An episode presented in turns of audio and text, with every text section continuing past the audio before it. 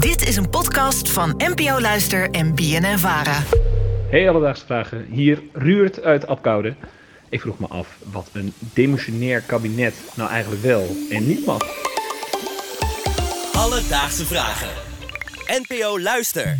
Ruurt uit Apkoude, dankjewel voor het insturen van je vraag. Ja, Merel, het is weer in zover. Het kabinet is gevallen, inmiddels alweer een eh, paar dagen geleden. Ze gaan blijkbaar ook nog wel een tijdje demotionair zijn. Verkiezingen pas in november. Kortom, politieke chaos. Ja, je merkt altijd meteen dat dan heel uh, politiek verslaggevend uh, Den Haag en andere steden ook uh, er heel veel werk aan, aan overhouden. Dus dat is misschien leuk voor de mensen. Maar ook dat het woord demissionair heel vaak valt en dat het nog heel lang gaat duren. Terwijl ik bij mijn simpele burgerbrein dan altijd denk, boeiend, ja, het land functioneert verder. De treinen rijden nog steeds niet. nee, klopt. Maar voor de rest lijkt het redelijk te functioneren. Uh, goede vraag dus van Ruud hoe dat uh, precies zit. En dat gaan we in deze aflevering uitzoeken. En daarvoor namen we contact op met onze collega Joost Bekendam. Hij is politiek redacteur van het radioprogramma De Nieuwsbv. En weet alles van wat zich op het Binnenhof afspeelt. Dus Joost, wat mag zo'n demissionair kabinet eigenlijk nog wel en niet doen? Nou ja, ze zijn demissionair, dus ze zijn niet meer missionair. En dan de belangrijkste vraag is, wat is het verschil? En dat is uiteindelijk in de praktijk aan de Tweede Kamer. Die maken een soort afspraak. Uh, dat heet dan niet controversieel verklaren en controversieel verklaren. Dus een heel aantal onderwerpen die worden controversieel verklaard. Dat zal nu in september gebeuren. Door verschillende nou, een beetje ondergroepjes van de Tweede Kamer. En uiteindelijk door de Tweede Kamer als geheel.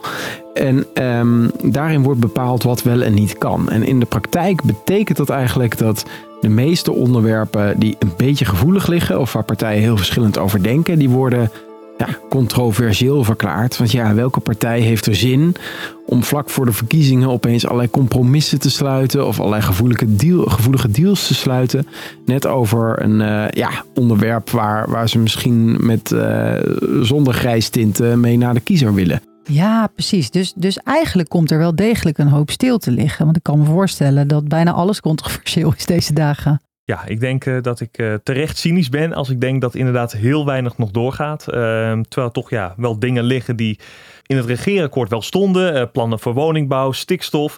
Toch allemaal controversiële dingen. Ja, die worden waarschijnlijk niet behandeld de komende weken. Maar ook het is nu bijvoorbeeld geklapt op wat men dan noemt de asieldeal. Lijkt me mega controversieel. Is dat dus ook zo? Is dat zoiets wat controversieel verklaard ja, nou is, gaat worden? Dat het is nog een beetje koffiedik kijken op dit moment. De besluiten moeten nog vallen. Uh, maar ik denk zeker dat je kan aannemen dat dat een controversieel onderwerp is. En dat daarover dus geen beslissingen worden genomen. Jee.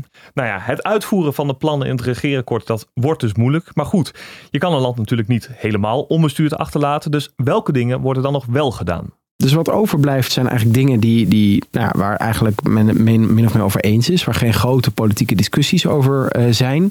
En dingen die echt moeten. Dus denk bijvoorbeeld aan de oorlog in Oekraïne. Denk aan corona. Een paar jaar geleden toen het kabinet uh, opeens viel. Toen zijn ze op corona zijn ze wel ja, min of meer missionair doorgegaan. En uh, ook zaken als de, de begroting die er bijvoorbeeld aankomt uh, met de aanstaande Prinsjesdag.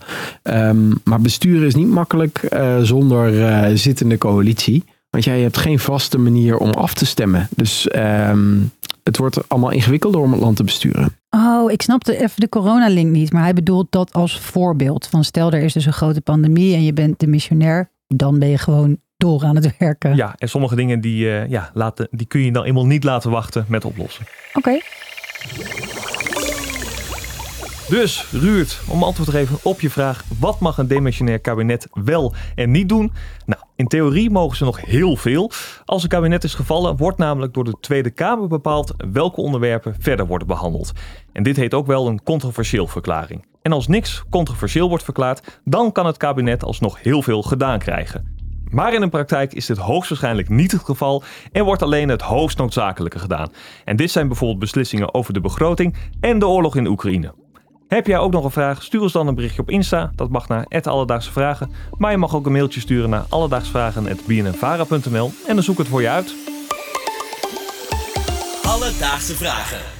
NPO Luister. BNN Vara.